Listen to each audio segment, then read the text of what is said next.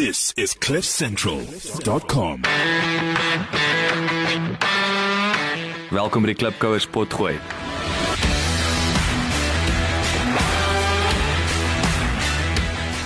Klipkouers waar ons elke week met Afrikaner entrepreneurs en impakmakers gesels ten einde die beste praktiese besigheids- en lewensadvies met jou te deel. Jou gasheer en mede-klipkouer, Jacques Basson.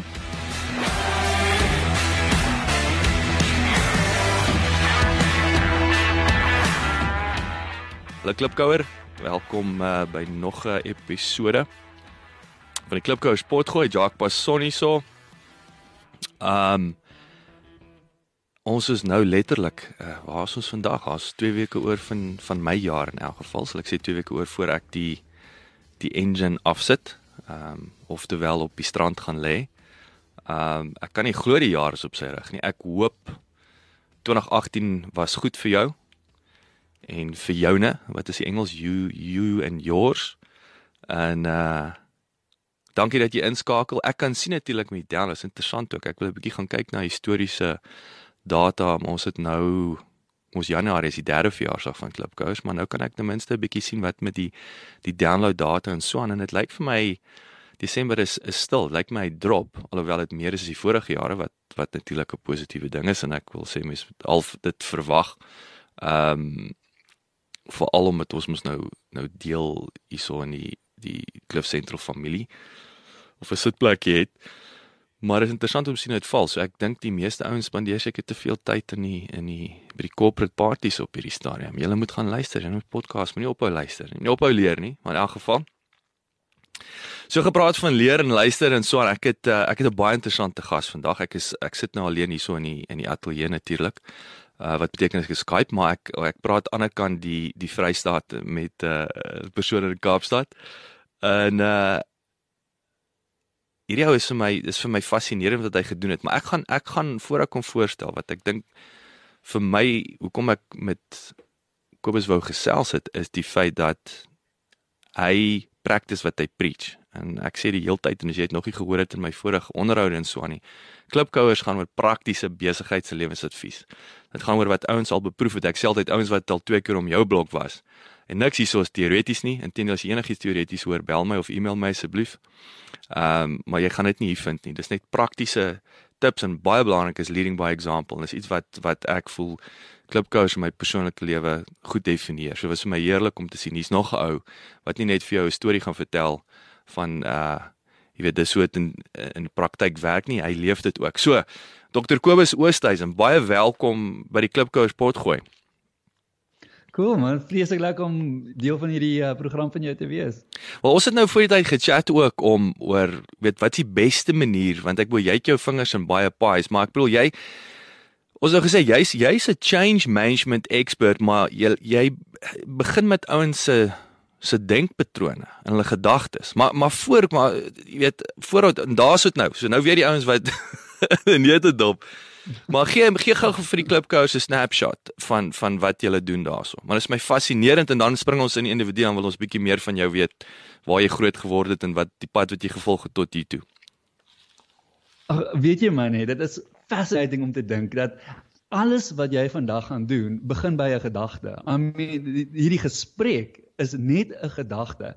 En as as ons daai ding klik en ons besef dat ons hele dag speel homself uit rondom die gedagtes wat ons vorm, dan is die vraag wat ons vra is hoe kan ons jou net help om jou gedagtes so in lyn te kry sodat dit suksesvol sal wees vir jou. Sodat dit wat gaan uitspeel suksesvol sal wees vir jou.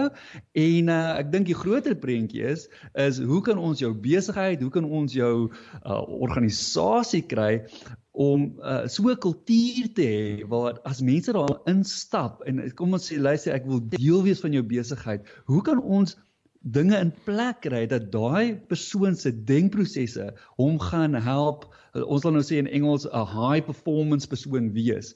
En ek dink dit is maar die hart van wat ons doen, jy weet, ons gaan in in organisasies en besighede en sê kom ons kyk nou hoe die mense hier binne dink en kom ons wys vir julle hoe ons daai prosesse kan skryf sodat daar baie positiewe uh, Gats. Kobus, ek verloor jou. No problem. As jy jy terug, Yes. jy terug. Ja. Ekskuus, ek het jou weg? ek het jou ek het jou verloor van die van die high performance, maar ons sal nou kom op my af ons laaste stuk uitsny. Ehm um, wat ek kom ek sluit sommer dan aan. Okay. Ehm um, maar Kobus wat vir my wat vir my lekker is van van van wat julle doen is jy weet die ouens 9 uit 10 keer ons weet prosesse en sisteme is baie belangrik in 'n besigheid en ek ek bedoel ek sien dit veral met jou klein saakondernemings en ek bedoel prosesse is is basies ook vir my dis 'n manier van doen. Dit is amper 'n jy forceer 'n ehm 'n persoon om op 'n sekere manier op te tree, maar jy begin ek wil amper sê om met help op die regte manier te dink. Is dit is dit algemeen? Dit voel vir my dis nie normaalweg waar ouens met organisational change en en so aan begin in die wêreld nie. Of is ek verkeerd? Nee, jy is 100% reg. Dit is nie die standaard ding wat mense gewoonlik doen nie.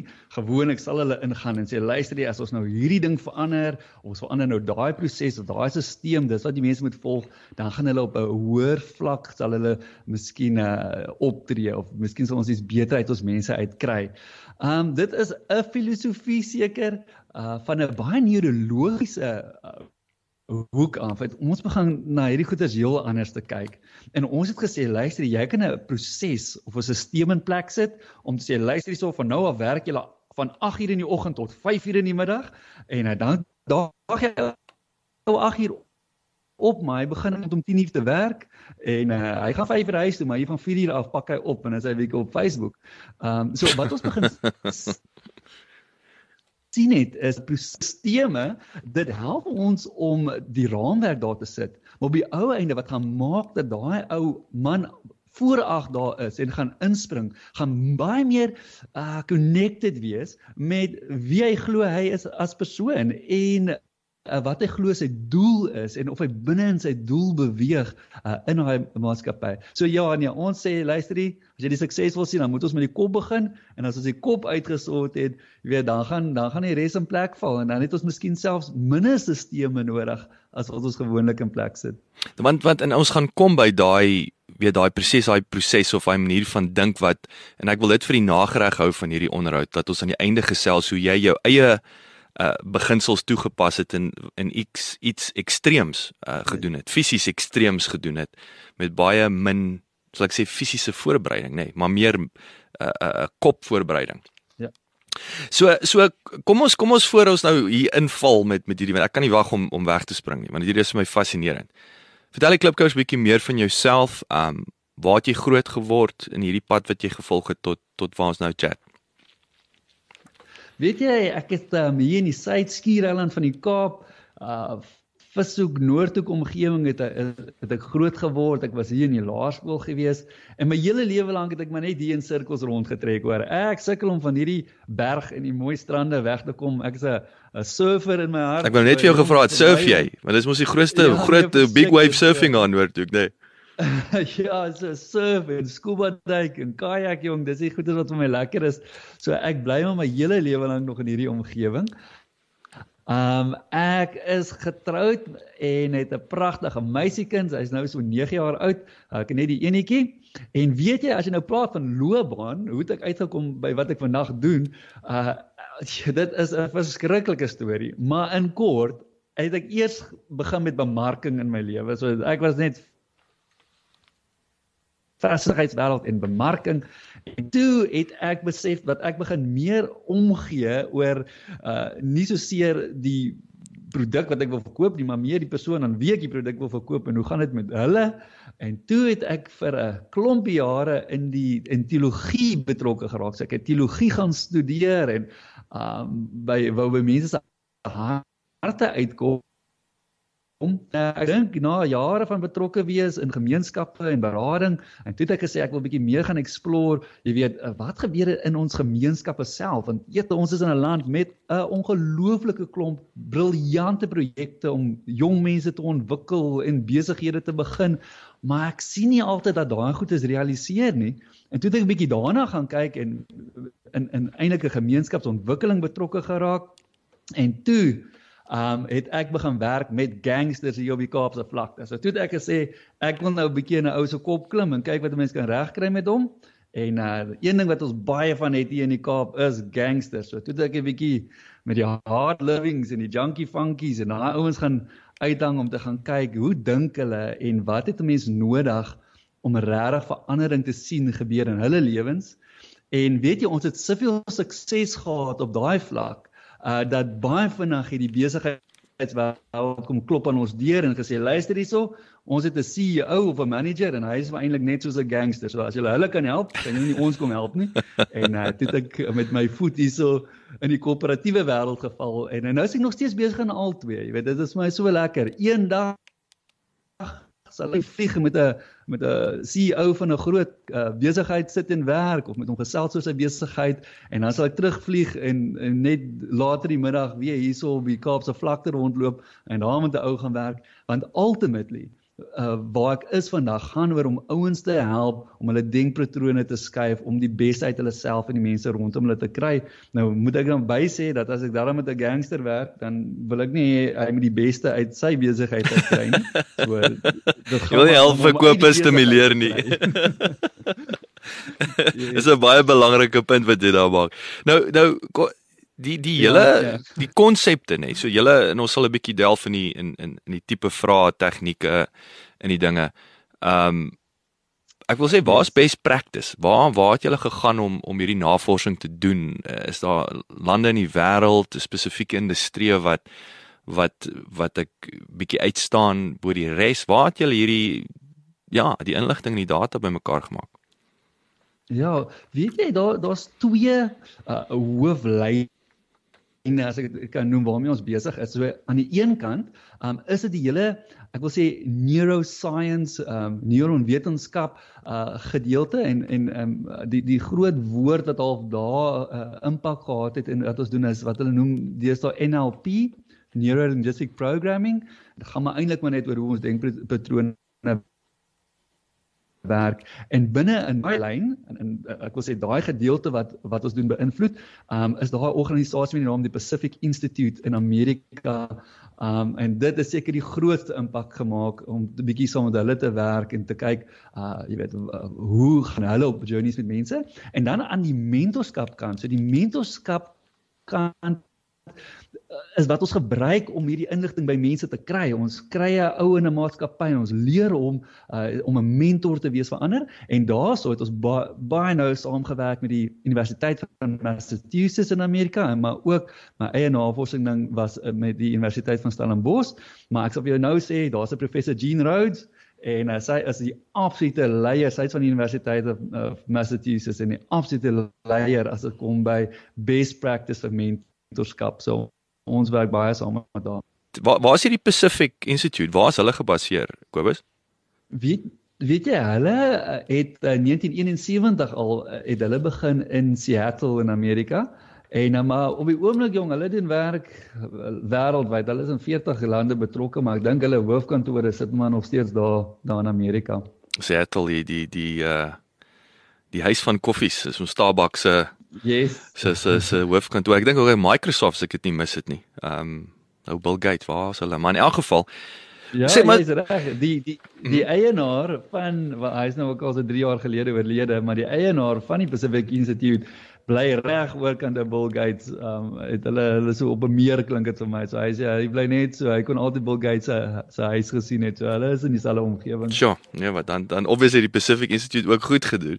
Hoorie maar maar ek wil net gou by by NLP aansluit. So so verduidelik net gou vir ons op die NLP is nou ek wil sê is a flavor of the month dink ek of of dalk 'n ou geur van die maand. Ek bedoel se ding ek weet in Engeland wat baie meer maar dit is ook dis meer eh, is ek as ek as ek dit reg verstaan in my layman's terms is dis baie meer die identifisering van die van die dag denkpatrone. Uh wat jy dink of, ja. of wat is die verskil tussen wat jy doen in NLP?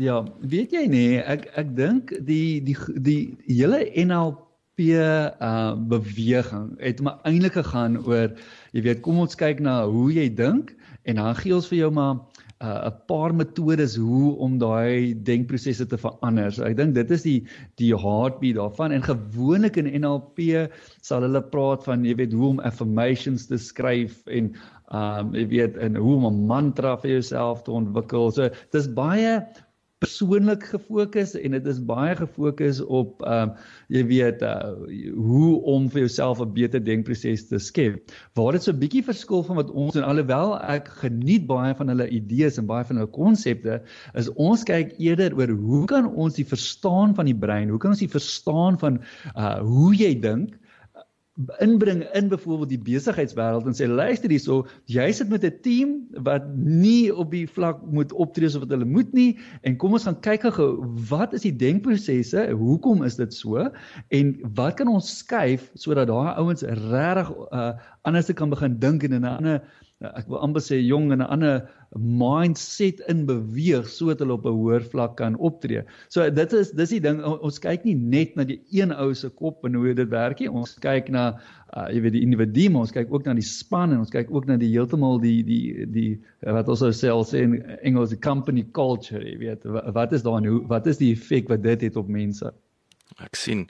So jy het nou die company culture. Ek wil net vinnig aansluit in die toe ek jou nou voor ons begin opneem het, het jy ook gepraat van hoe julle gemeenskappe uh uh hoe hoe 'n gemeenskap dink. So so en ek neem aan 'n gemeenskap is maar soos dis wat tog wat 'n 'n besigheid is. Dis dis 'n klein gemeenskapie, klein dorpie. Dis maar is is dit soortgelyks vir 'n kampus. En en dan hoe affekteer jy 'n gemeenskap? Dis 'n vir my interessante konsep. Hoe gaan jy te werk om 'n gemeenskap te beïnvloed. Ja, weet jy absoluut. Ek bedoel as jy mooi daaraan dink, 'n kultuur, um, daar's soveel jy weet uh, definisies van wat is 'n kultuur en hoe jy weet hoe definieer ons hom en allerlei goeters, maar 'n kultuur in sy rouste vorm is maar eintlik net dit is die manier van hoe ons goeders doen, jy weet. So in hierdie omgewing, that's the way we are doing things.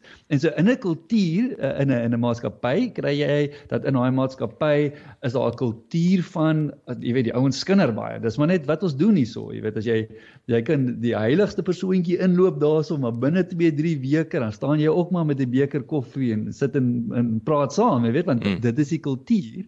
En dis maar dieselfde in 'n gemeenskap, jy weet, um, As ons kyk in 'n in 'n een van ons ek sê ryk buurte, kom ons sê in die Kaap, die die die manier wat ons doen is ons is geslote, ons bly vir mekaar weg, ons ons vertrou nie mekaar nie. En in ander gemeenskappe is dit weer die manier wat ons dinge doen is ons kinders hol rond ons weet nie eens waar hulle is nie en almal ken almal en jy loop net in 'n ou se huis in. En so die hart van 'n kultuur bly maar dieselfde. En wanneer ons sien dat daai kultuur in daai maatskappy is eintlik die probleem Hier is 'n kultuur byvoorbeeld waar bestuurders wil beheer neem, jy weet, hulle wil jong hulle hart gebeklei sodat hulle die baas kan wees, jy weet. Dit is nou die kultuur en ons ons stel op dat daai manier van doen hou eintlik haar besigheids terug. Dan moet ons begin vra maar hoe kan ons daai kultuur skuif om uh, die beste uit die mense uit te kry? Hoe identifiseer mense of hoe maklik is dit om so 'n kultuur te identifiseer? Weet jy, ehm um, ek sal ek wil amper sê redelik maklik. Ehm um, dit dit vat maar net 'n uh, 'n paar gesprekke met mense. Ek's gewoonlik as 'n 'n bestuurder of 'n CEO of iemand sê hulle wil met my gesels, wat ek probeer doen is om voor die tyd selfs by die jy weet by die skoonmaker of by die persoon na in die pakkamer eers verby te gaan en 'n paar vrae te gaan vra.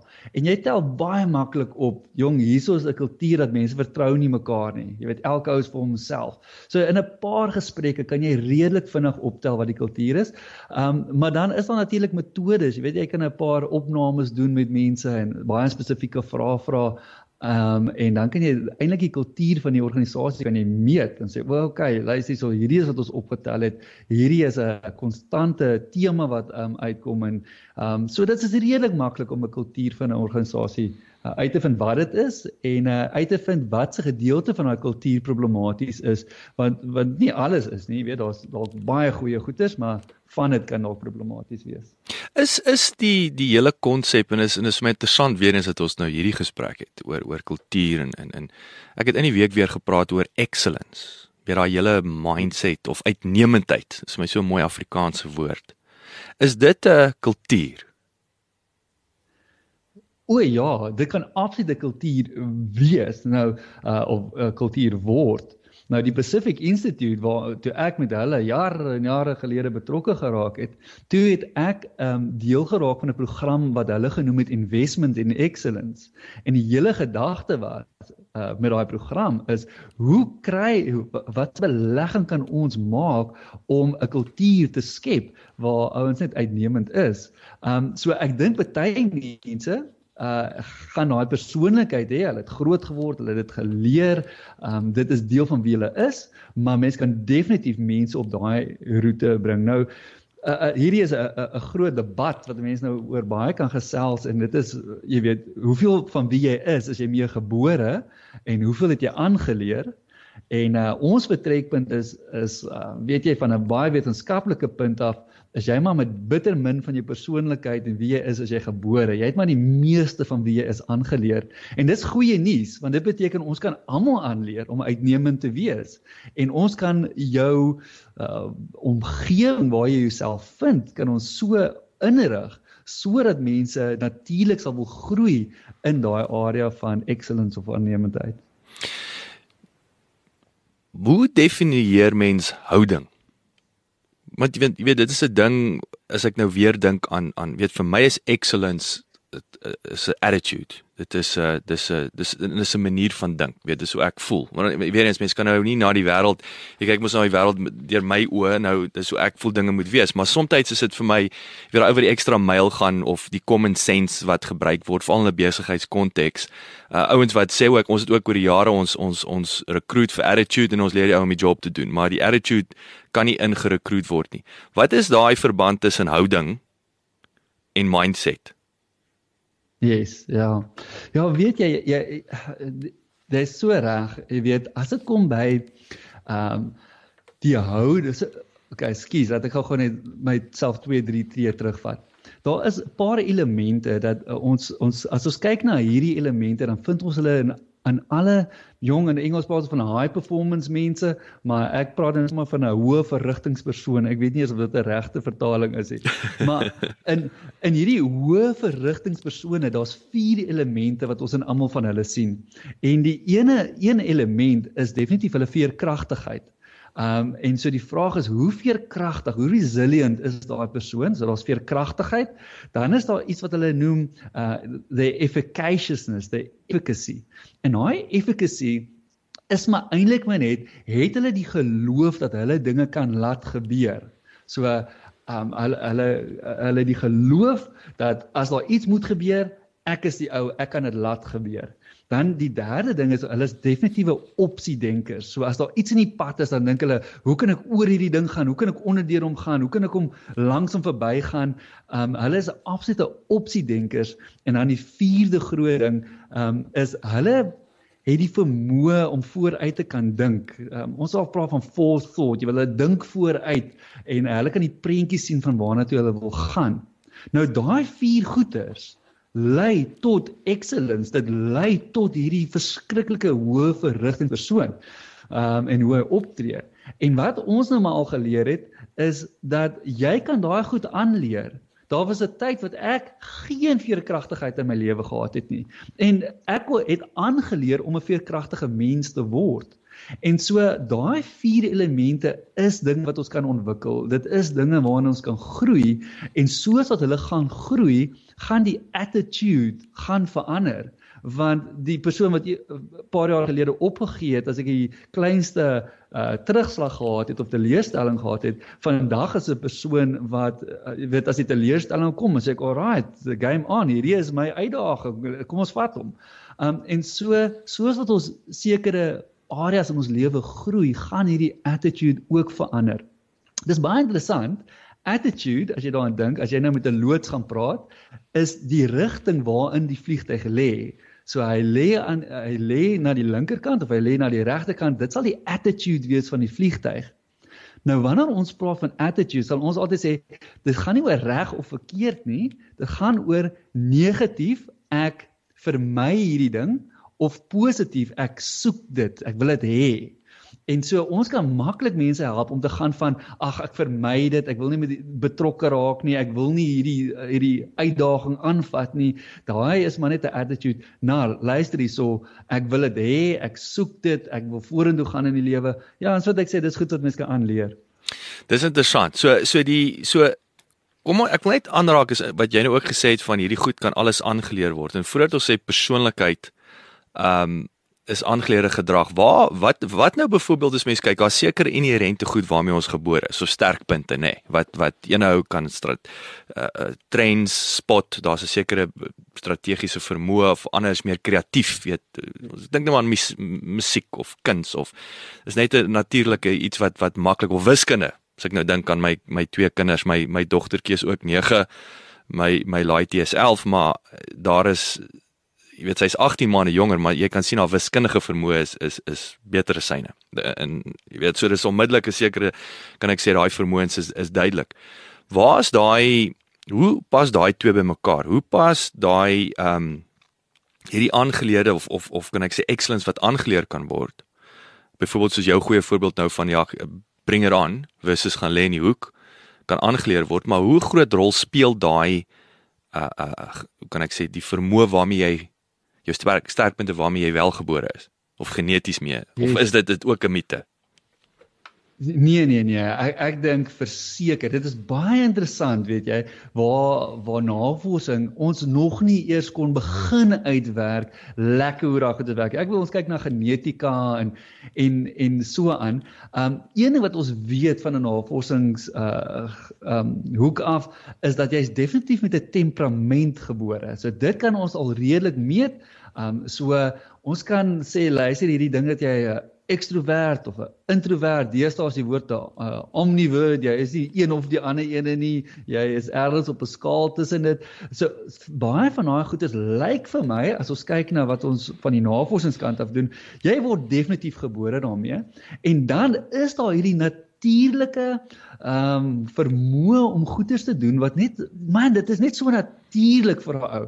Weet jy daar was 'n tyd gewees wat ek uh, jare gelede het ek my eie band gehad jong en ons het opgetree en gesing en goed dinge gedoen en toe begin die hele uh, idols uh, ding op Mnet En weet jy toe ek nou sien hoe dit is as 'n ou natuurlik goed kan sing, toe stop ek my hele karier net daarso en ek besef ek het nie daai talent nie. En ek het altyd gedog as mense ons moet goed gooi, dit is soos 'n Pavarotti wat hulle rose gooi en goed is. Maar toe in hindsight vind ek uit dit was iets anders.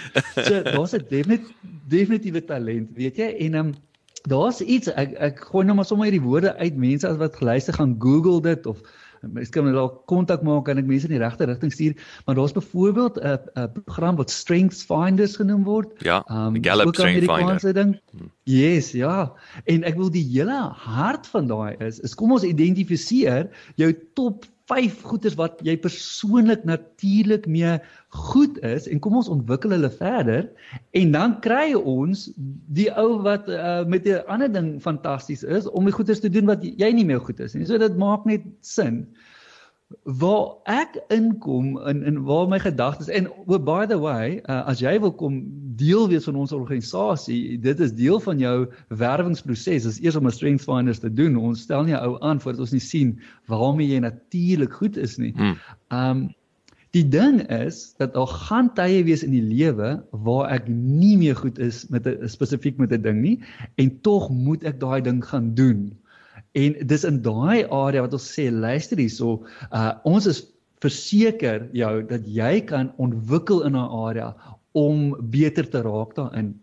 Weet jy in die uh, baie keer as ek nou praatjies doen en en en jy weet uh, werkswinkels so goed is dan sal mense vir my sê o jy weet uh julle praat van hierdie unlimited potential unlimited potential. En is julle deel van die um positive thinking movement? En dan moet ek eers sê nee nee nee nee nee glad nie deel van die positive thinking movement nie. En ons gebruik nie die woord unlimited potential nie Ehm um, want as ek vir jou sê luister, so, daar is geen beperking op jou potensiaal nie en ek vat jou op in 'n hoë gebou en dan staan op die dak en ek stamp jou af en sê jy het die potensiaal, vlieg. Daar's geen beperking nie, vlieg. Jy weet, daar gaan jy. Uh dan gaan ek jou op die sypaadjie optel onder en vra wat gaan aan? Jy weet, ek dog jy dan nou unlimited potential om enigiets te doen in die lewe. So ons sal altyd sê daar is perke op ons potensiaal. So ons hou daarvan om die woord unending potential te gebruik. Ek het oneindigende potensiaal om beter te raak in 'n spesifieke area in my lewe. En so yes, daar is natuurlike talente. Ons raak jaloers op daai mense wat net goed is met 'n ding en ons sal altyd wil hê 'n ou moet in daai area in sy lewe werk en leef. Maar as daar 'n ander area is waarin jy sit en nou het jy nie daai natuurlike ding nie, ons kan jou help om dit te ontwikkel om ook excellent te raak in daai area. Hoe meet mens temperament? Dis my interessant jy jy gesê het ons word met temperament is wat wat ons mee gebore word. So drill 'n bietjie dieper met met wat jy daar gesê het. Jong, daai is nou die, die area wat ek nie gewoonlik oor praat nie. Sê, ehm um, weet jy, ag, wanneer mens dit is uh, daar's 'n paar dinge wat ek soos half uh, in my eie kop sê luister hierso ek wil nie mense te veel boks in 'n area nie. Want sodra jy vir my sê Kobus jou jou uh, IK is hierdie weet jy dan begin ons nou te leef op daai IK vlak want ons tree altyd maar op volgens wat ons glo wie ons is, nê? En so wat wanneer mense praat van temperament en dan sê luister hierso, jy is versekerde introvert of jy is versekerde ekstrovert, ehm um, of jy weet jy is geneig om so op te tree en dis maar net natuurlik wie jy is. Ag, jy weet ek uh, alhoewel ek die navorsing lees en hoor dat die ouens sê dat dit is hoe ons is, wil ek eintlik glo dat toe ek gebore is, is ek redelik blank gebore en ehm um, en dat dat die Kobus uh wie ek wil wees, kan ek in groei. So uh, daar is toetse wat ouens doen oor temperament. Jy kry ouens wat absoluut spesialiseer daarin om te sê luister wie wat is jy en en jy weet toe jy gebore is geneties en hoe hoe sit hierdie dinge en hoe gaan dit beïnvloed hoe jy uh groot word en en hoe jy gaan optree in die lewe? Ek probeer maar die goeters vir my hoor. Dit dit dit is interessant en ek dink dit is waar mense dalk moeilike lyn of sal ek sê waar mense te mekaar raak of ek dink nou vir myself is dat ja. soos 'n atleet, jy het nou of 'n sanger. Dis twee twee voorbeelde van 'n jy weet, is nou maar jammer as jy nie ehm um, uh, wat's nou 'n simpel voorbeeld ehm um, kos vat maar 'n hoogspringer. Ek ek dink jy daar's hoogspringers wat korter as 6 voet is nie. Jy weet daar's sekere nee. goed wat net in plek moet wees soos lengte. As jy 'n wêreld uh, Olimpiese goue medalje wil wen of for that matter as jy as jy 'n rugby speler en jy wil 'n slot wees. Ek ek sien nie slotte wat sommer onder 6 voet 3 is nie. Jy weet so daar's sekere goed wat jy fisies jy gaan nie daar omkom nie. Uh, um of jy gaan jy gaan 'n sekere plateau bereik of soos met jy nou gesê die ouens wat nou wat sing ehm um, jou stem kan net of as jy nie kan sing nie, dis net maar jammer te jy gaan maak nie saak wat jy doen nie. Ehm um, maar ek dink ons ek dit voel vir my ons staar ons blind daar teen om te sê wel as as as daar fisiese en en en fisiese vermoëns is wat ons nie almal gelyk gebore is nie dan sekerlik is daar baie ander dele wat ons ook nie gelyk gebore is nie of die ander ou te het 'n voordeel maar dit klink vir my behalwe vir fisiese uh uh um hoe kan ek sê eienskappe wat in elk geval meer sport gedrewe is dink ek. Of soos 'n Formule 1 bestuurder wat ook basies 'n kort gat moet wees. Jy weet, hoe langer die ouens is, hoe meer sukkel hulle om in die kar te pas. Um ja. En en en sangers, dit voel vir my dis waar dit daai's een uh, voorbeeld in isolasie waar hoe jy gebore is wel saak maak. Of is dit ook nie so nie? Ek bedoel, jy hoor wat ek probeer sê hierso. Absoluut. Ja, absoluut. Weet jy nie, ons praat altyd van uh, jy het al seker baie gehoor. Mense sê, "O, hierdie is soos tweede natuur vir my. Dit ja, is tweede ja. natuur vir my. Jy weet mense praat so en dan vra ek hulle gewoonlik, jy weet, wat beteken dit as jy sê dis tweede natuur vir jou? Dan sal hulle sê, "Ag nee, jy weet dit kom maklik en en so aan." Dan sê ek vir hulle, "Oké, okay, maar as dit tweede natuur is, wat is eerste natuur?" Jy weet, en dan sê hulle, "Uh, okay, ek het nou daaraan gedink." en en so as ons dan kyk na 'n baie simpel model van net hoe die mens how want say the makeup of the human. Dan sal ons sê luister jy het 'n eerste natuur en jy het 'n tweede natuur. En die eerste natuur is die fisiese komponent. Dit is jou asemhaling dit is jou lengte dit is jou velkleur dit is jou jy weet hare, uh, daar's 'n definitiewe fisiese komponent en uh, ons sal sê dit is jou eerste natuur en uh, ons het nou al geleer met 'n bietjie plastic surgery en so aan om om van hierdie goedjies te verander en uh, maar gewoonlik dis ons verander nie daai goed nie. Dis nou maar wie jy is En dan het ons die tweede natuur en die tweede natuur is alles wat jy aangeleer het oor die jare. Nou as ek vir jou gou-gou uh, sê dat kom ons maak 'n storie op. Ek was uh, my ouers was sendelinge in China en uh, en daar word ek gebore en so 2 dae na my geboorte um, dan uh, is al motorongeluk en my ouers is dood albei en ek beland in 'n Chinese uh, wat sal mense noem uh, weeshuis.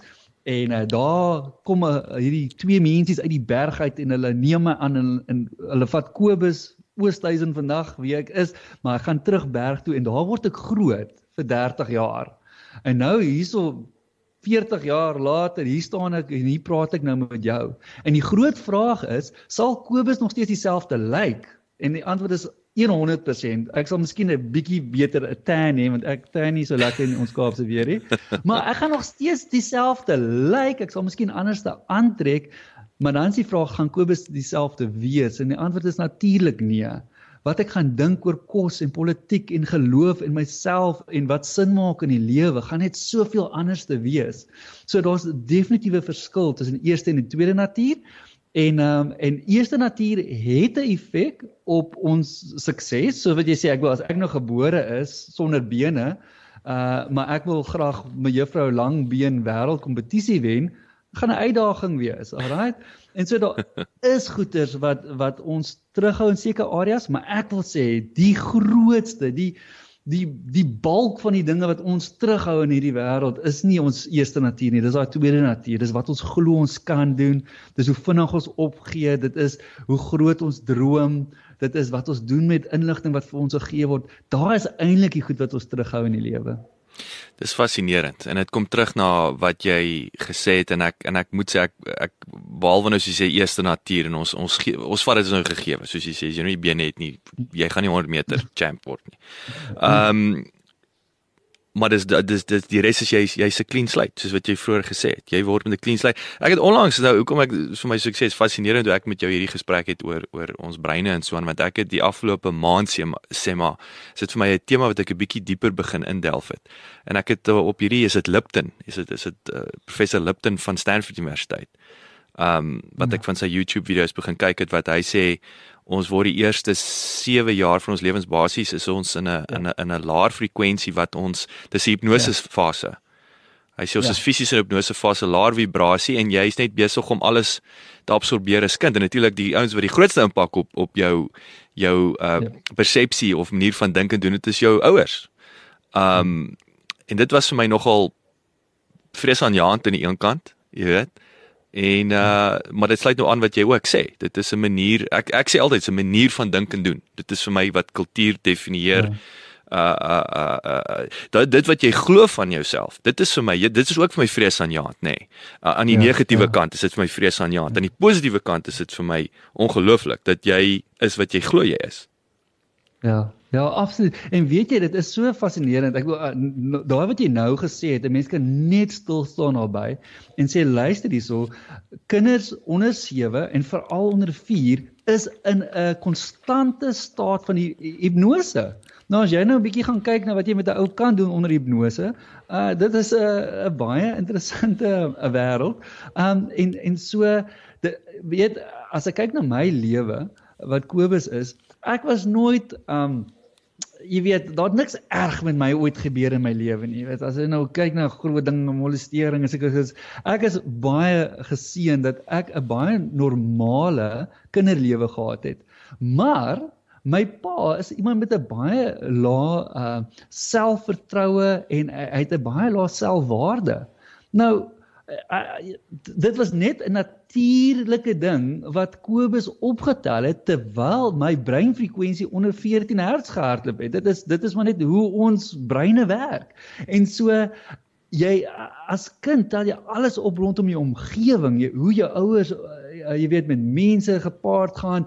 Ehm um, jy weet daar is net hierdie konstante klomp inligting en omdat jou breinfrekwensie laer hardloop, is jy net in 'n plek van ek redeneer nie oor hierdie goedes nie. Ek ek bevraagteken dit nie. En hoe meer ek dit ervaar, hoe meer raak dit wie ek is. En nou vandag 30, 40 jaar later, dan tree jy maar net so op en jy weet nie eens hoekom jy so optree nie. Maar die goeie nuus is al daai goed kan verander. En dit in in in in in sy ek wil dit oorvereenvoudig. Die oorvereenvoudigde woord vir my uh, om dit op te som is gewoonte.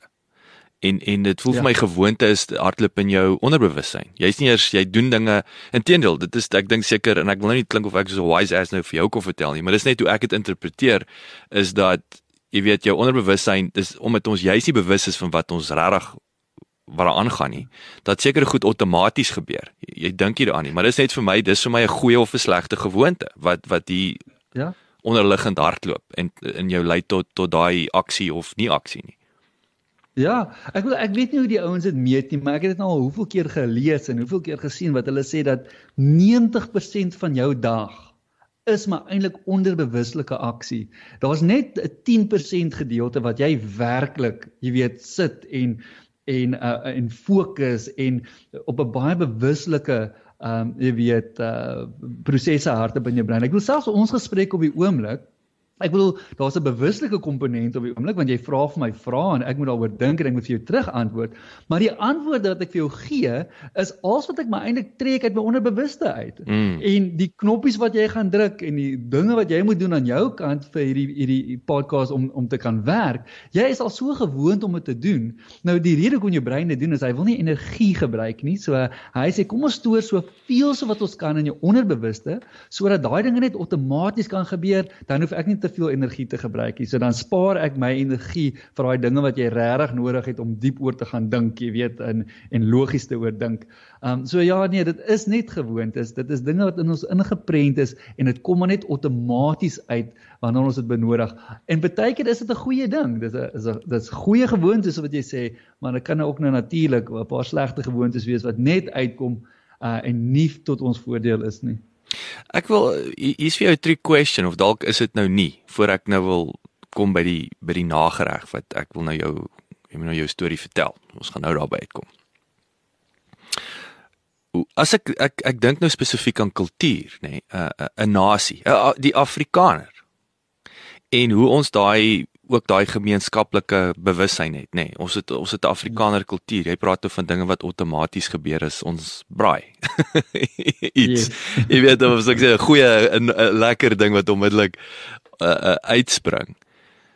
Ja. Wat hoe daar's natuurlik baie ander negatiewe goed ook wat wat jy weet en is 'n tendens. Jy kan sien seker goed wat Afrikaner ja. gemeenskaplik doen wat nie so lekker is nie manier van dink en dan gaan nie te veel detail ingaan nie. Hoe affekteer, ja, hoe word ja. so hoe affekteer jy so eh, so so ek wil ek sê 'n nasie se denkpatroon? Is is dit moontlik is 'n ding wat maar net met generasies hopelik verander of dalk vererger? Uh, hoe hoe lyk die navorsing daarso? Ek ja, neem aan high performance ja. cultures wil ek dit amper noem. Yes. Ja. Weet jy en um, en en ja, jy is 100% reg. Ek bedoel daar's daar 'n absolute dinamika van uh of dit word groot in 'n kultuur en en binne daai kultuur is daar natuurlik waardes, maar ons manier van dinge doen, ons manier van dinge dink en nou lê daai in ons onderbewussyn en wanneer ons die inligting nodig het, dan bam, dan kom dit net uit en dan tree ons so op outomaties. En ehm um, weer eens goeie nuus is die goeders kan skuif. Ek dink die die uitdaging gaan wees om dit op 'n groot skaal te kan skuif as jy nie ek wil amper sê 'n regering het wat spesifiek fokus om sê hoe gaan ons ons uh in ons nasionale platforms van media en koerante en al hierdie dinge laat saamwerk om 'n baie spesifieke boodskap by hierdie mense uit te kry nie. En ek dink dit is so 'n groot groot skuif.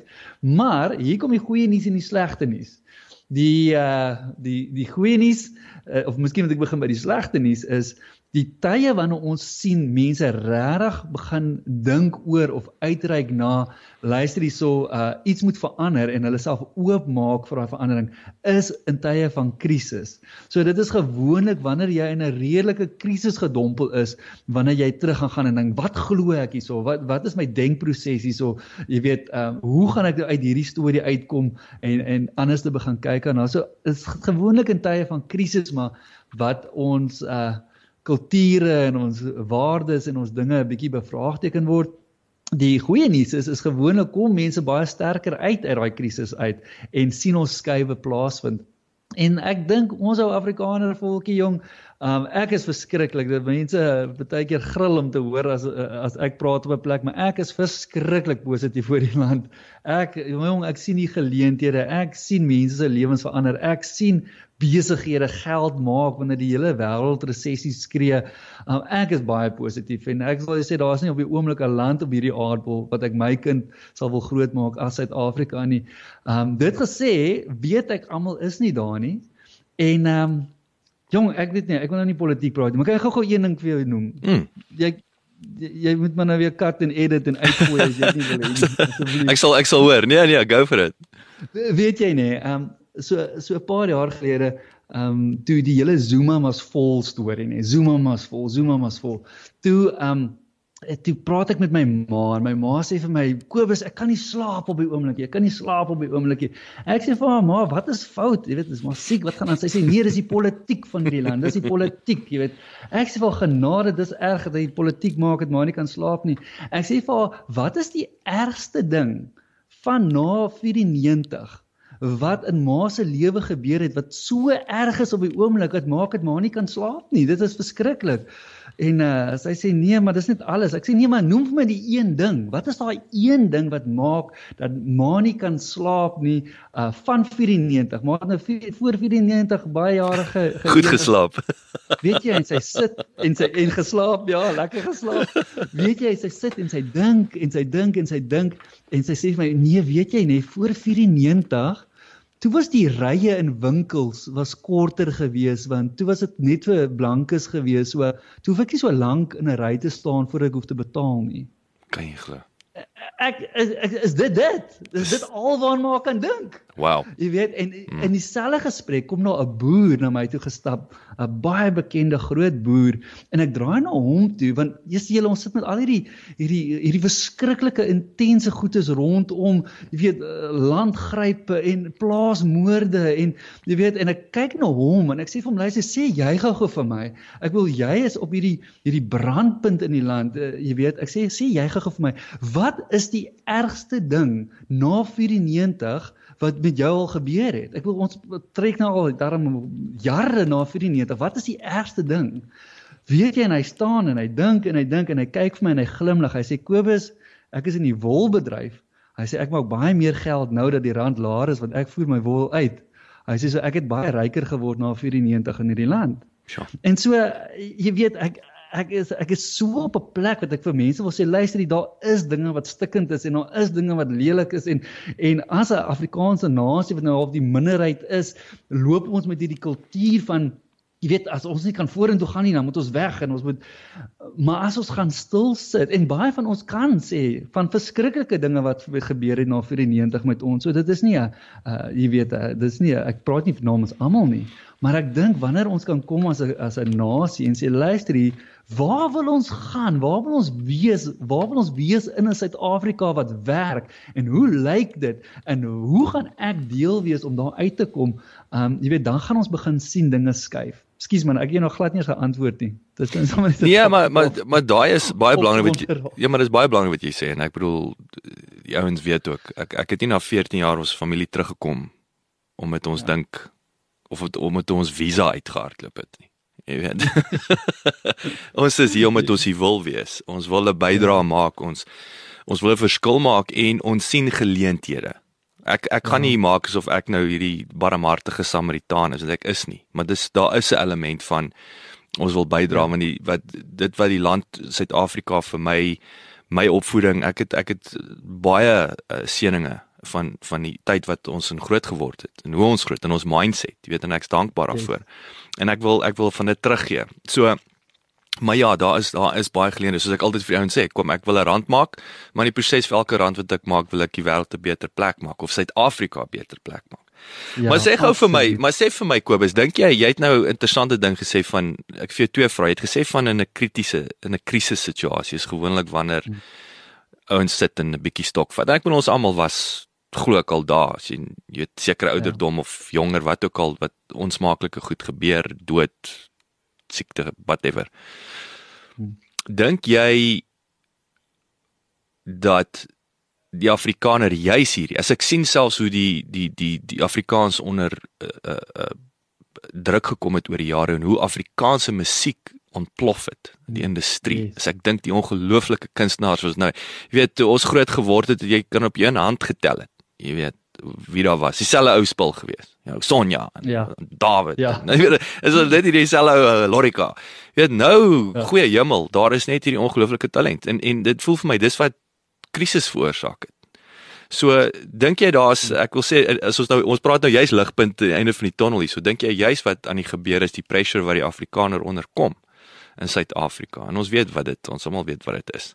Dink jy Ja. dit dit gaan iets dalk positiefs veroorsaak? Ontwaking wil ek uh, sê. Absoluut, absoluut. Weet jy wat nee, ek sien die kreatiwiteit van mense en en ek praat nie net van in die kunste nie. Ek praat van die kreatiwiteit van mense om te sê luister hierso, my besigheid is hier en en in, in hierdie goeders en dis 'n krisis en wat doen ons nou? En dan begin die dit weet jy ons sê altyd as jy 'n goeie prent, miskien is dit die antwoord. As jy 'n prentjie het van waar jy wil gaan en jy kyk rondom jou en dit is nie so nie, dan is dit amper 'n krisis. En wat ons dan sien loskom in mense is net 'n 'n 'n dryf en 'n motivering en 'n kreatiwiteit om uit te kom daar waar hulle hulle wil wees.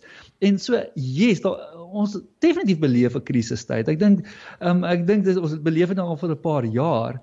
Maar as jy gaan rondom jou kyk, weet jy, um, ek het daarso uh bietjie daar naby julle in Centurion man het ek uh, betrokke geraak by 'n uh, Afrikaanse aanlyn universiteit um akademia Mm, en weet Ken hulle goed. dit die die goedes wat hulle doen dit is hierdie hologramme en dit dit is amazing goedes dit is state of the art goedes wat ons nog nie in ons land gesien het nie en dit ontwikkel uit 'n krisis uit van hey, ons het 'n klomp jong mense hulle kom nie in in universiteite waar hulle kan inkom nie. En hoe, hoe vat ons hulle na die volgende vlak toe? En die ouens raak net so kreatief. So ek wil sê die krisis wat ons bietjie ervaar op die oomblik man dis 'n goeie ding vir ons. En jy gaan net 'n 'n ander Afrikaanse nasie sien as ek nou maar so kan sê in in die jare wat kom want jete ek raak net meer en meer beïndruk soos wat ek mense ontmoet en sien waarmee hulle besig is. Yes, ek hou daarvan. Dit is vir my Hoe sê uh, ek het ek het ook al voorheen dit aangehaal. Ek het die kragtigste aanhaling hierdie jaar was uh, ek was betrokke by kragdag se goed vroeër in die jaar in HP Steyn wat hulle is dis op hulle plaas in grond en so aan en organiseer is en hy het, hy het die een aand toe sê ons moet kritiseer deur te bou. En Ja. daai was vir my baie kragtig. En hier is ook jy moet kom ons bou. Kom ons bou en en en, en maak 'n verskil. Um Nou, kom ons kom by jou. Jy jy het nou Julle kom nou en dit is mos altyd dis interessant wat ek hou nie daarvan as ouens sê do as I say nie, don't do as I do nie. Uh, dit werk nie vir my nie. Uh, ek dink nou spesifiek eerste baie goeie voorbeeld wat in my kop opkom. Ek onthou altyd my ou gym daar in, in Engeland. Ehm um, waarvan twee van die personal trainers dit boepense. Ja, dit het net nie so lekker vir my gewerk nie. As my as my personal trainer nie groter biceps en 'n platter maag het nie, dan weet ek nie of ek lekker, jy weet. maar daai is don't do as I do, do as I say. Jy weet. Nou nou jy is nie 'n do as I say ou nie, is do as I do. So vertel 'n bietjie vir ons wat dit jy gaan jy's jy's uitgedaag en en en vertel ons 'n bietjie wat jy toe gaan aanpak het en ek wil en wat jy gedoen het en so aan. Ja man, ag weet jy, een van my gunsteling dinge is om hier deur ons land te travel om vir mense te vertel eintlik hoe amazing hulle hulle kop is en hoe as jy jou kop, jou mindset reg kry, hoe die res van jou lyf en ek wil amper sê lewe dit volg, jy weet.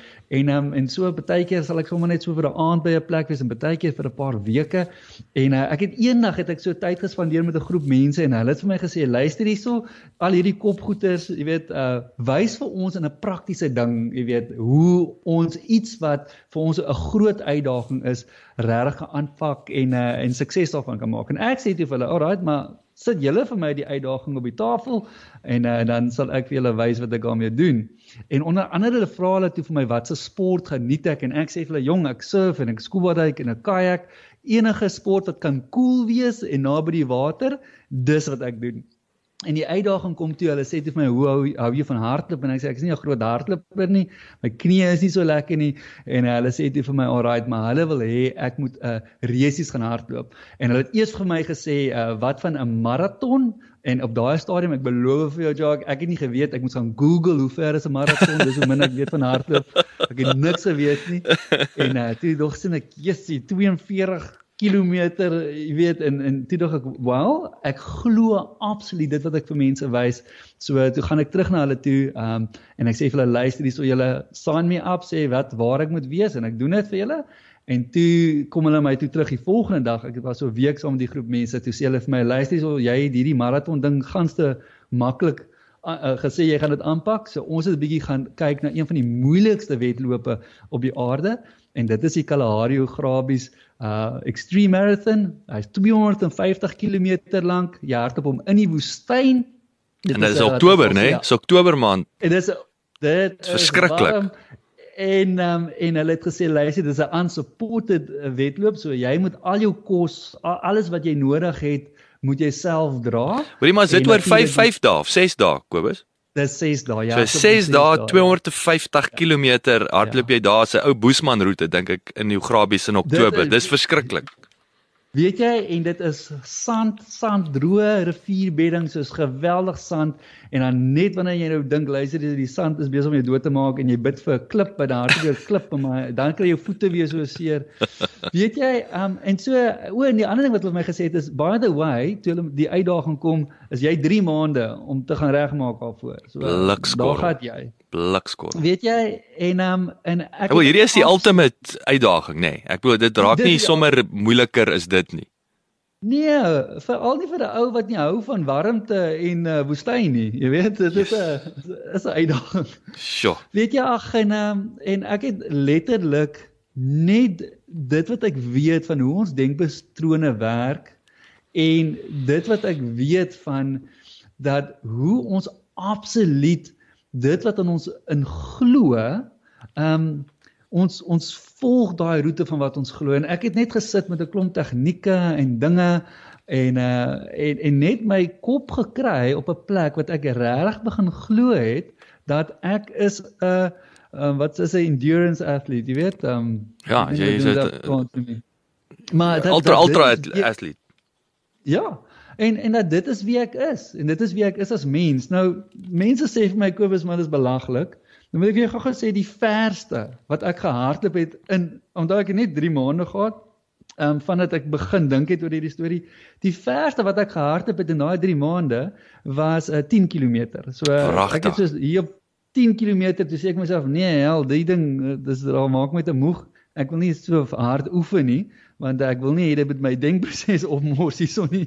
En dan um, so ek sal 'n 10 km gaan hardloop en en dit was dit en ehm um, en die res van die tyd het ek net gesit en gewerk aan my denkproses en uh, om daai regte skep. Weet jy ek het die ding gaan hardloop en uh en ehm um, ek het dit was dit is 'n internasionale wedloop natuurlik as 'n klomp oorsese ouens en maar ek dink is um, maar net so 60 mense of iets net wat yes, daag gemiddeld ja weet jy hulle het hulle het 'n afsnypunt op 100 maar daar nog nooit soveel mense ingeskryf vir die mal mal resies nie weet jy en ek het hom gehardloop en ek het ehm um, as ek moet nou 'n mooi ding maar ek dink ek het 33ste gekom uit die groep uit Jemel. en die die interessante ding is ek is ek is die ou gewees met die minste beserings ek het nie blaase gehad nie ek het Ek het nie skaafmerke van my rugsak gehad nie. Dit was 'n amazing amazing ervaring. Maar nou moet ek gou vir jou dit deel nie. Nou kom ek hier op die einde. Dis taaf. Nou moet ek net vir jou sê, ek kon dit doen. My my my missie in die lewe was om hom klaar te maak. So dit was nie gewees om uh, op 'n podium te staan nie. Hmm. Um en uh en dit was taaf. Ek dink ek het twee keer in hierdie resies resies flou geword dat my liggaam net uitgeskop het en gesê nee, jette, dis nou eers genoeg. Kom vat eers 'n breek. Um ek was honger, jy slaap nie lekker nie. Dit is regtig regtig 'n tawwe ding. En op die einde, toe ek nou aankom hier op die einde, dis my ma en my pa daar en my swaar is daar. Nou my swaar was daar gewees. Ek het gelukkig nie geweet nie, maar hy het in ons familie 'n wettingspool begin oor op watter dag ek gaan uitval uit die storie uit. Nie of jy gaan klaarmaak nie, wanneer jy gaan uitval. ja, en en so die dinge, ek het gesê luister, as hy gaan klaarmaak, dan moet jy verlof af afvat Appington of vat na Appington toe ry en om verskoning gaan vra daar by die eindstreep. So hy het die arme ou dit toe gedoen. Ja. En uh, my ma en pa was ook daar. Weet jy, en dit was Ekskuus, ekskuus Kobus, ek vra jou, hy eindig in Appington. Hy eindig in Appington. Weet weet jy nie hy ek sien nou Appington, weet jy hy's by die Ograbies. Okay, so, okay, so, so wanneer dit in die ja, straat af is 'n uur of so nee. Okay, okay.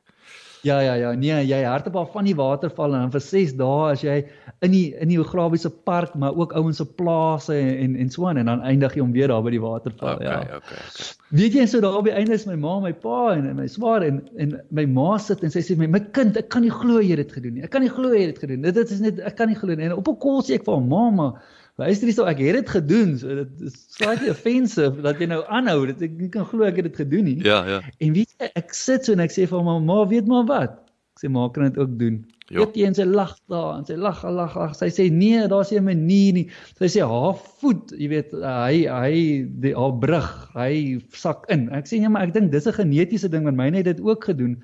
So ek moes 'n ding onder my voet kry om net seker te maak my brug van my voet breek nie in hierdie storie nie. Ek sê so dit is nie 'n verskoning nie. Sy sê nee maar my heup, sy sê my heup hak uit, my heup hak uit. Ek sê maar kry vir ma 'n 'n heup vervanging, dan kan daai ouens maar ons maar borg ook. So dis ook nie 'n verskoning nie.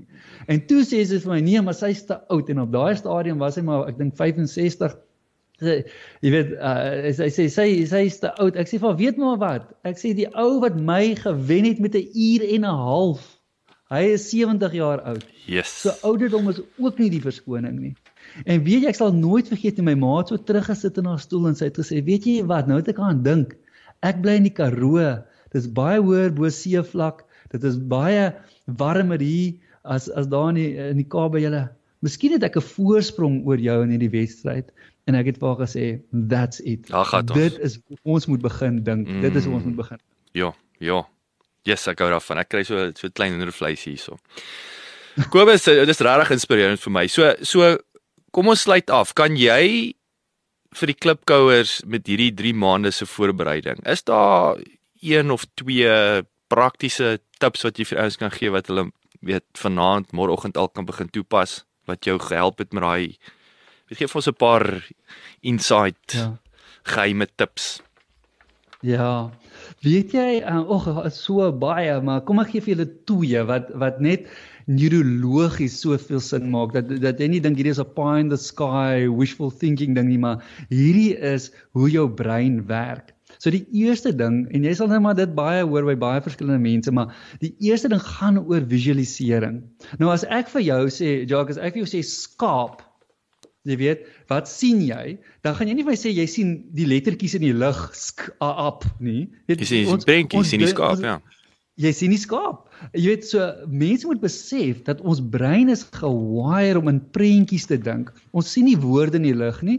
So dis gewoonlik prentjies of konsepte. So as ek sê liefde, dis 'n bietjie meer 'n konsep, maar ons dink in vorm van prentjies.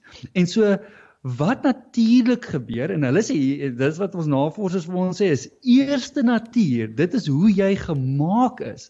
Is jy word uh, jy beweeg in die rigting van waar jy jou oë hou, van die prentjie wat jy sien. En so om die prentjie te kry van hoe iets lyk as dit reg is, as dit werk. Daai raak 'n fenominale belangrike ding vir ons. Hoe lyk jou huwelik as hy werk? Kan jy daai prentjie sien? Kan jy jou oë begin hou op daai prentjie terwyl daar selfs krisis rondom jou is? Hoe lyk jou besigheid as hy werk? Hoe lyk jou gesondheid as dit werk? Wat ons weet is as ons die prentjie reg kry en ons kan dit 'n dominante gedagte maak, dan wil ons lyf begin beweeg in daai rigting. So dis die eerste ding. So as ek as ek jou ekskuus ek val jou in die rede die hele tyd. Die die die so wat sal nou byvoorbeeld daai prentjie Hoe sal dit lyk in 'n besigheid? Ek bedoel dis dis weet of of kos jy nie dit voel vir my met die hardloop was dit wat jy sien jouself oor die wenstreep gaan. Is dit byvoorbeeld 'n prentjie? Geef ons weet 'n voorbeeld van ja. prentjies. Ja. Ja ja ja ja. Weet jy met met die ehm um, die, prentjie storie is so real wat ek gedoen het vir myself in voorbereiding van daai wedloop is ek het vir myself gesê luister hierso um, wat ek wil doen is ek wil eerste plek begin 'n prentjie kry van hoe dit daar lyk Ehm um, so ek het gaan Google hoe dit lyk. Ek het begin video's kyk daarvan net om te sien o, jette, dit lyk nogals warm, dit lyk nogals sanderig, dit lyk en vir my 'n prentjie skep en dan het ek vir my 'n prentjie geskep in, in my eie verbeelding van hoe ek in daai kondisie in daai in 'n omgewing um, myself sien hardloop en wat voel ek wanneer ek hardloop? Jy weet, um, hoe hoe sien ek myself dit doen? En dan presies wat jy sê, hoe lyk dit vir my aan die einde wanneer ek al 6 dae klaar maak en ek kom ingehardloop op die einde um in die eerste persoon. Dis baie belangrik. Ek sien nie myself van buite af nie. Hoe lyk dit deur my eie oë as ek hierdie ding voltooi? As ek al ingehardloop kom, wie sien ek? Hoe lyk dit? Dis daai tipe uh, ek wil sê eerste persoon ervaring wat ons vir onsself skep wat ons brein dan begin dryf. En in die besigheidswêreld, ehm um, weet jy ek werk nou maar baie met ehm um, met uh, menslike hulpbron bestuur om uh, hulle te help om hulle mense reg te motiveer. Dan vra ek hulle, "Hoe lyk dit as 'n ou hier instap in die dag? Wat voel julle? Wat sien julle? Uh, hoe hoe lyk die boeke?" Ehm um, en en daai prentjie wat jy skep van weet jy die ouens sit en gesels en hulle help mekaar en die, as hulle koffie saam drink, dit is jy weet so dis 'n definitiewe prentjie van hoe dit sal lyk as hierdie ding werk, as hy klaar is, as hy reg is. Dit is die prentjie wat ons vir onsself moet skep. En en ek ek wil net jy weet vision boards is dit is jy ook is dit ek bedoel ek ek Ja. As jy fisies daai ja. prentjie gaan uitsny en jy kyk ook vir hom, help dit? Ja. Of of ja, moet jy hom fisies in jou jou geestesoog kan sien? Of is net ja. om vir hom te kyk daar op die muur ook voldoende? Weet jy nee, absoluut. Weet jy enige uh sulke visuele goeders uh, omdat ons brein hou van visueel, hy as jy nou maar dink, jy weet ons oë, ons stel heeltyd in inligting op. Um en en so sulke vision board goeders werk baie goed. Um mense moet net daai baie mooi gaan kyk na wat jy daar sit. Ek het enige uh, een van my kollegas het 'n leeu voor hom opgesit, jy weet. En en ek het hom gevra wat is die leeu? Toe sê hy nee, dis wie ek wil wees. Ek wil soos 'n leeu wees. En toe sê ek vir hom maar okay, ek weet nie of daai gaan werk nie want uh weer eens uh, jy gaan nie die jy gaan nie in 'n leeu kan verander nie. Uh, so Dis nou die so, sonder bene gebore word voorbeeld. Ja, ja, ons het 'n beperking sê, weet. So mense moet mens moet realisties wees oor hierdie hierdie vision boards maar absolutely maar die groot ding van so 'n bord is dit moet eintlik vir jou meer net 'n herinnering wees en die die die ding wat ons wil sien gebeur op 'n op 'n neurologiese uh, ding in jou brein is om na daai prentjie te kan kyk en jou oor dan amper te kan toemaak vir 'n sekond en dan jouself in dit te kan sien en te kan voel. Daai gevoel is ook 'n baie belangrike aspek. Dis hoekom trauma altyd so 'n groot ding is, nê? Nee? Ons ervare ding met 'n groot klomp gevoel en dan maak hy 'n paadjie in ons brein. So ja, hoe meer visueel, hoe meer ons osself daarin kan indink en kan voel, uh, hoe hoe meer vorm ons brein om ons daarbey uit te kry. Hy bou daai paadjies en sê luister hierso, ek wil jou nou uitkry by daai prentjie want ek hou nie van die spanning dat jy dit sien en tog is jy nie daar nie. So dit is die, dit is 'n groot ding wat ek vir al die klipkouers wil uitgooi en sê kry daai prentjie vir jou reg. Ja, kragtig. Dr. Kobus Oosthuizen is heerlik om jou te gesels. Ek kan nog baie lank met jou gesels. Verskriklik dankie vir jou tyd. Dankie vir die praktiese advies. Dankie vir 'n vir net 'n opbouende positiewe. Ek wil al die klipkouer onderhoude is altyd positief, maar weet jy, dis net lekker om met jy weet ons praat nou juis hier so oor houding, manier van dink. En ek dink dit dit kom weer terug. Dis net daai manier van dink en jy wat ek mal was oor wat jy gesê het, weet jy jy jy wat jy glo jy is is wat jy is, nê. Nee. En ek dink dit is um weer eens 'n gevaarlike ding en 'n baie uh uh uh um hoe kan ek sê geleentheid vir die meeste van ons. Hm. Leslie was fantasties om met jou te gesels. Uh definitief lekker gewees hoor en uh sterkte en ek wil net vir die klipkouer sê man if it needs to be it's up to me. So uh, gaan gaan eet en daai ene en en gaan maak dinge gebeur hoor. Laat dit gebeur. Hou daarvan. Baie dankie dat jy geluister het. Vir 'n opsomming en notas van die episode gaan asseblief na ons webwerf www.klipkouers.com en teken sommer in terwyl jy daar is dan kan ons jou gereeld op hoogte hou. Baie dankie